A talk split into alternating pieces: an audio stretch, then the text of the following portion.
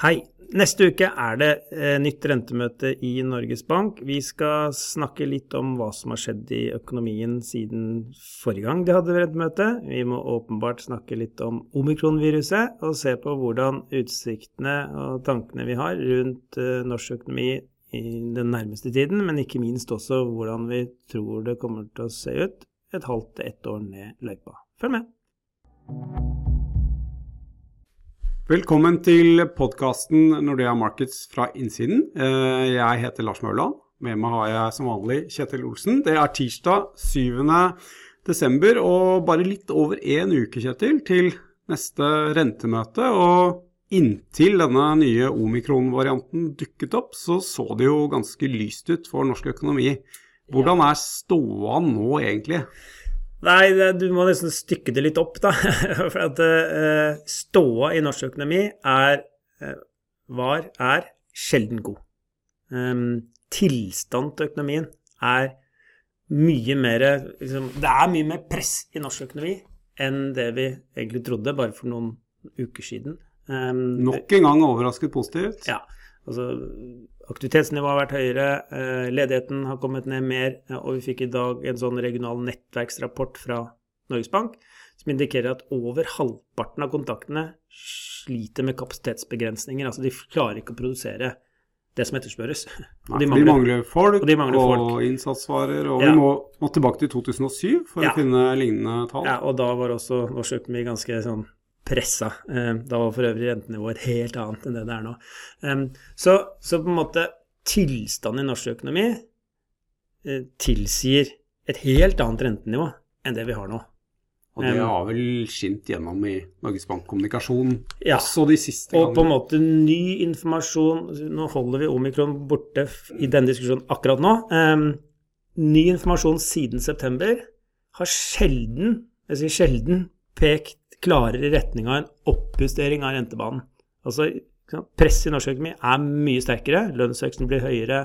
Prisveksten ser ut til å bli mye høyere. Um, kronekursen er svakere. Rentene ute har kommet opp, i hvert fall i sånn to-treårsbilde. Um, vi snakker om en signifikant oppjustering av rentebanen, men det er et stort, er et stort men her, og det er omikron. Ja? Og det kommer til å føre til at aktiviteten i norsk økonomi nå, um, for en periode, og hvor lang den blir, det vet vi ikke, blir liksom begrensa. Vi får et lite tilbakeslag. Og, Hva tror du vi kan få? Nå får vi vite litt mer om uh, nye smitteverntiltak i kveld. Ja. Uh, men, men uh, har vi noe formening? Vi vet jo ikke helt selvfølgelig hva som kommer. Men vi vet vel, vi har vel en god formening om hvilke næringer som mest sannsynlig blir rammet denne ja, gangen her? Eh, det er eh, utelivsbransjen, kulturbransjen, store ansamlinger, reise, um, blir ramma. Det blir liksom munnbind, uh, minst mulig nærkontakter. Avstand, avstand, faste plasser. Ja, hjemmekontor, you name it. Um, så det vil jo føre til en begrensning. Men, det, men, vi da, som skal sitte og liksom mene noe om renter og makrobildet um, generelt, men ikke minst vår oppgave er å prøve å kikke litt lenger enn de neste månedene. Liksom se hvordan ser det ut til sommeren, kanskje, høsten, om et år? Hvordan er liksom situasjonen i norsk økonomi da? Og er, altså vi vet jo ikke så mye om dette omikronviruset ennå, bortsett fra at vi tror det er mer smittsomt. Det ser ut som vaksinene virker litt dårligere enn mot delta på smitte, men det, det er ikke noe indisier på at den virker noe dårligere mot alvorlig sykdom. Og så ser det ut som om alvorligheten av å bli smitta er mindre enn før. Men det hjelper på en måte ikke, fordi smitten øker, så blir relativt flere. Ja, Flere sykehusinnleggelser gjør at vi må, ja. må, begrense det litt. Ja. Men så har det også kommet indisier på at liksom en sånn boosterdose også hjelper mot smitte, det å bli smitta.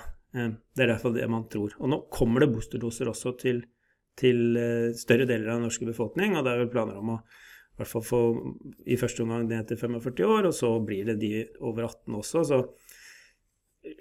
i februar-mars så har den voksne befolkningen mest sannsynlig fått en boosterdose. Og hvis det er sånn at den også hindrer smitte, så, så vil er, smitten komme ned. Så vil smitten komme ned, og vi er good to go igjen liksom fra påske. Så det er et mulig scenario.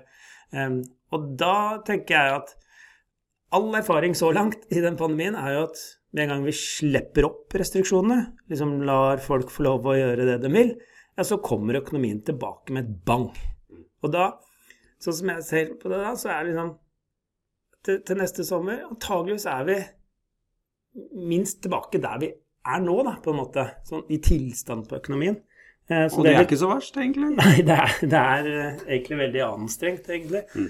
Og så tror jeg at de næringene som sliter nå, de, de vil få hjelp. Sånn at uh, det, det, vil finnes hoteller og restauranter også til neste sommer. Selv om uh, en del av de sliter. Og ja, noen kommer sikkert til å bli permittert i mellomtiden. Nå er det jo lettere å finne jobb et annet sted. Da. Uh, og Det har vi jo sett gjennom pandemien her også. Men vi må forvente at veksten går ned, aktiviteten går ned, um, ledigheten kommer til å stige.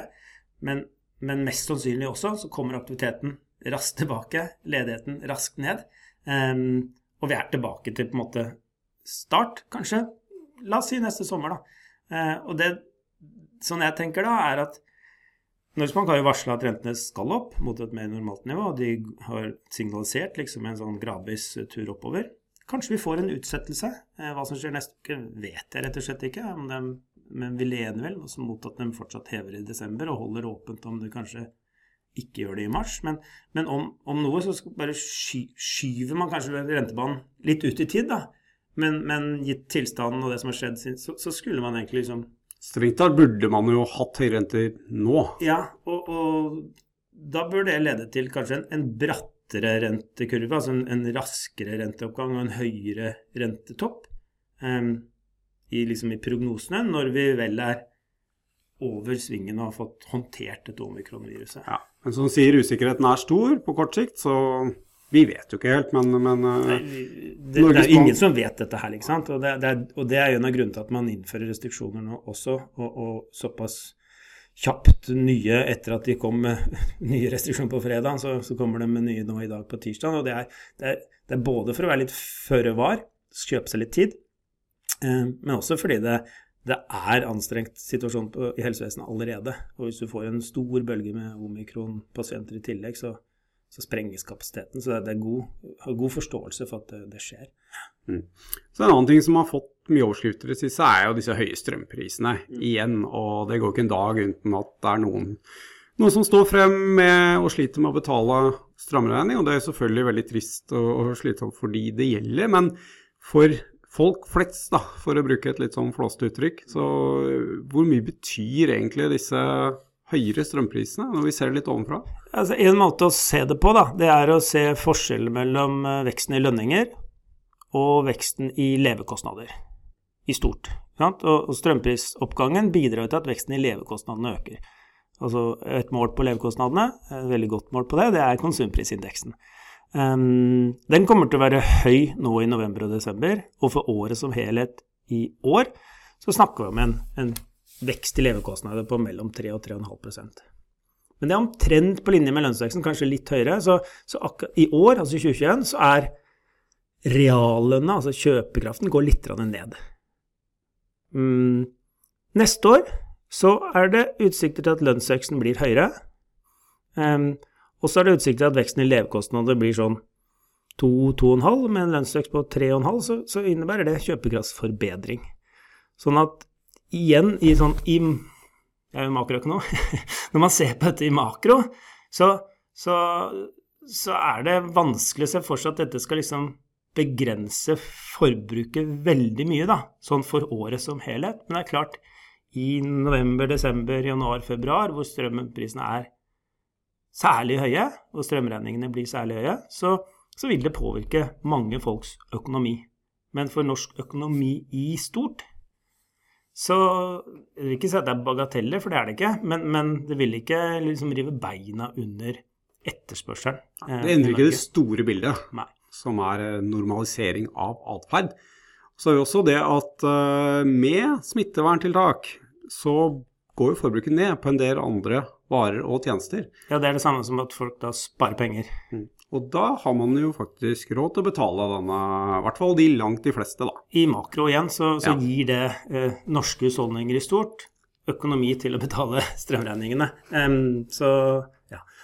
Totalt sett så, så selvfølgelig kjipt med smitteverntiltak, men uh, man, man, kommer seg gjennom vinteren. Og, og det, er, det, kommer en ny vår neste år også. Det er i hvert fall å håpe, og det, det, all erfaring tilsier det. Og så får vi bare håpe at vi, vi, vi kommer oss liksom raskere gjennom denne bølgen enn en, en vi at vi ikke bruker halvannet år da, på å komme oss rundt dette omikron-viruset. Og skulle det vise at dette viruset er mye mindre farlig, uh, som det er noen indikasjoner på nå fra, fra Sør-Afrika, så kan man jo kanskje komme seg litt fortere ut av denne pandemien til, til syvende og sist.